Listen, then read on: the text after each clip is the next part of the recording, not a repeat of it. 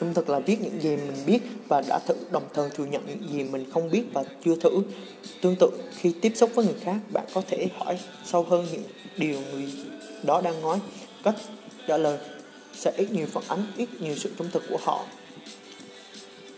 Sự khiêm tốn sự kiêm tốn là biết được những thứ mình làm tốt nhưng chưa đủ. Mình hiểu là những thứ rất gì có thể phù hợp trong ngữ cảnh này nhưng lại không tốt trong ngữ cảnh khác. Nên khi viết, mình cố gắng đưa những ví dụ thực tế để người đọc có thấy nhìn bao quát hơn về vấn đề khiêm tốn để giữ cho mình tâm trí cởi mở. Để lắng nghe thêm từ góc nhìn người khác, vì mình quan tâm đến những điều đúng đắn cuối cùng, mặc dù đôi khi mình có chưa khiêm tốn lắm đâu. He he. Sự dũng cảm. Can đảm nói ra những điều mình cho là đúng, mặc dù có thể sẽ tổn hại tới lợi ích của mình. Nếu để viết được bài này, cũng cần có sự can đảm nhất định là dám nói ra những suy nghĩ cá nhân mà mình cho nó sẽ hữu ích cho tập thể. Mặc dù nó có sẽ đi ngược lại ý kiến đám đông và can đảm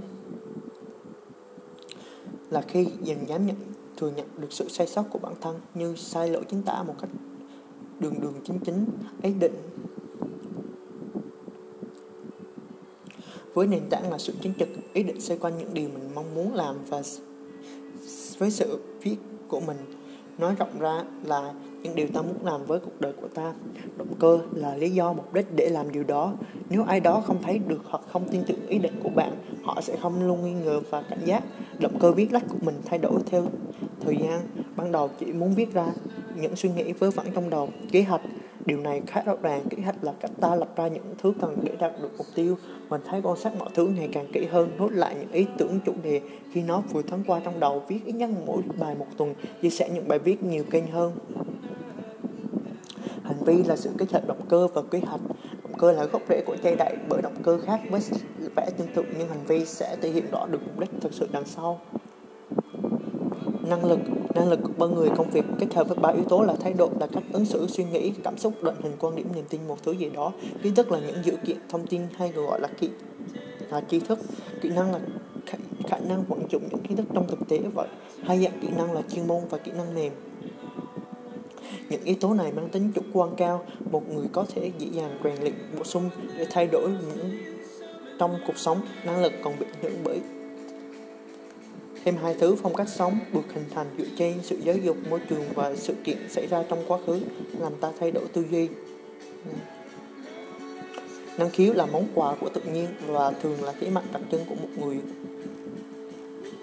Kết quả nói được thì được nhưng làm có ra kết quả hay không kết quả bị đánh giá bởi kết quả đó quá khứ, kết quả ví dụ xuất hiện tại và dự đoán trong tương lai điều bạn đang làm đây, đó là lý do đối với những bài viết về kiến thức thiết kế, mình chỉ viết những thứ mình đã và đang áp dụng tốt trong công việc thực tế. Đó, hạn chế lấy ví dụ trên mạng về nó không thực hiện kết quả của kiến thức mình viết. Suy nghĩ cá nhân. Bây giờ mình tự chấm điểm sự tín nhiệm của mình đối với ba danh mục chính, đó là design, creative và personal awareness. Design 88% và lời khuyên cùng hãy xem thông tin của bạn tiếp nhận, giống như đồ ăn bạn đưa vào cơ thể. Hy vọng bài viết này sẽ giúp bạn thêm những khía cạnh hoặc đánh giá sự tín nhiệm của một người tổ chức từ đó chọn lọc những thông tin cho mình. Ngoài ra, nó cũng giúp bạn hiểu được cách nuôi lớn cái cây tín nhiệm của mình. Nếu bạn đang idol một người nào đó, điều đó không có gì là xấu nếu bạn dùng những khía cạnh tốt của họ làm khuôn mẫu và nghe theo những người khuyên về lĩnh vực của họ, xuất chúng của họ, nhưng đặt niềm tin mù quáng lên cả những khía cạnh khác sẽ đắp được sai cá lên họ. Mình xin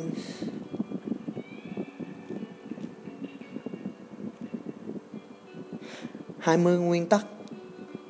Thiết kế đồ họa cơ bản khi áp dụng vào UI Designer để thực sự làm trọn vẹn Product UX UI Designer đòi hỏi tiếp thu những áp dụng đa dạng kiến thức chuyên ngành như Domain Knowledge từ Business Human Psychology, Usability Pattern, Technology tới cả những kỹ năng mềm và khai thác những phân tích đông hạng rắc trốn ngập với những từ bạn mới bắt đầu về lĩnh vực này vì quá nhiều kiến thức phải học rồi đến khi học xong lại không biết phải áp dụng công việc hàng ngày như thế nào, lời khuyên của mình là hãy bắt đầu từ những cái cơ bản nhất.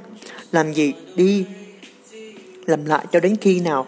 Không còn là kiến thức, phải nhớ lại một khi cần mà trở thành một loại thông tin giống như trí thức, nhớ cơ bắp, biến nó trở thành một điều hiển nhiên mỗi khi bắt tay thực hiện thiết kế nào đó. Bây giờ bắt đầu thiết kế với UI design. Hãy ngồi lại nguyên 20 nguyên tắc thiết kế cơ bản và cách mà mình áp dụng chúng vào những thiết kế của mình. Line stroke Nếu vật chất được tạo ra bởi đơn vị nhỏ nhất là phân tử thì những hình ảnh chúng ta đang nhìn thấy được tạo bởi các điểm. Có hai điểm nối lại ta sẽ được một đường. Có loại đường thẳng, cong, góc cạnh kết hợp lại với nhau tạo ra những yếu tố thiết kế sử dụng. Trong thiết Scale và size thiết kế tốt là thiết kế có tỷ lệ phù hợp với các con người và nhìn sự nhật sự vật. Có thể định nghĩa đơn giản là tỷ lệ của việc xác định kích thước các yếu tố một cách có chủ đích.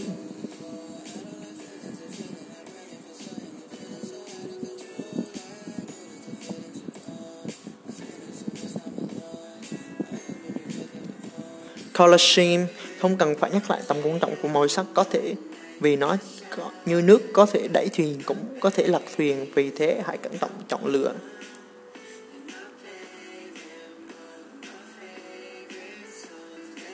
Repetition lợi ích lớn nhất của lặp lại đó là thể hiện được yếu tố thương hiệu một cách nhất quán và ghi nhớ tâm trí của người xem thiết kế.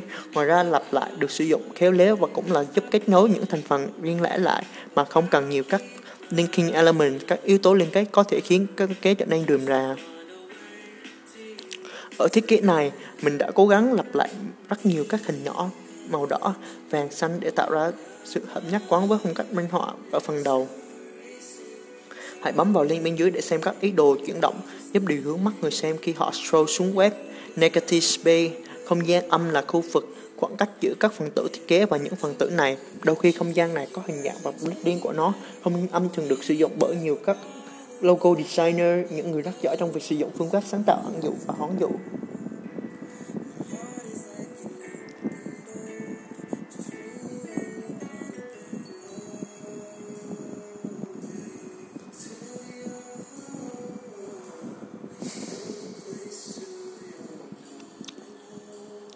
Symmetry mắt người cảm thấy dễ chịu khi bị thu hút bởi các cấu trúc đối xứng sự đối xứng hoàn càng hoàn hảo chúng ta lại càng thấy đẹp chính vì thế bố cục đối xứng thường là lựa chọn an toàn tuy nhiên đôi lúc khi mặt trái của nó lại khiến thiết kế của bạn trở nên nhàm chán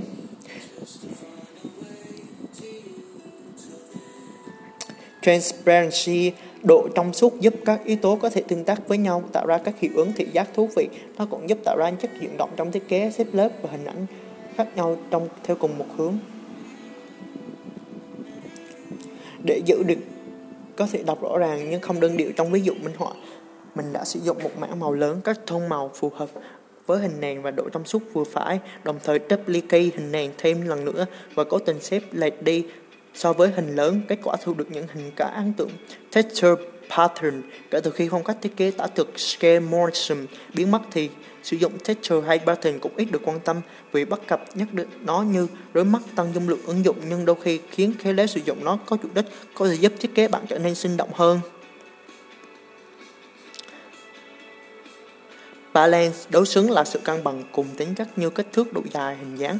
Tuy nhiên, tạo ra một sự cân bằng thị giác thì mình không nhất thiết phải cùng khía cạnh với nhau. Một thứ dài nhưng nhỏ sẽ cân bằng với những thứ khác nhưng to hơn. Đây được gọi là trọng lực thị giác. Contrast tương phản. Tí cái nền tấu cần phải lưu ý đến độ tương phản giữa màu chữ so với nền. Có thể dễ đọc giữa các thông tin cần tạo sự khác biệt để người xem dễ nhìn thấy thông tin cần thiết của khu vực.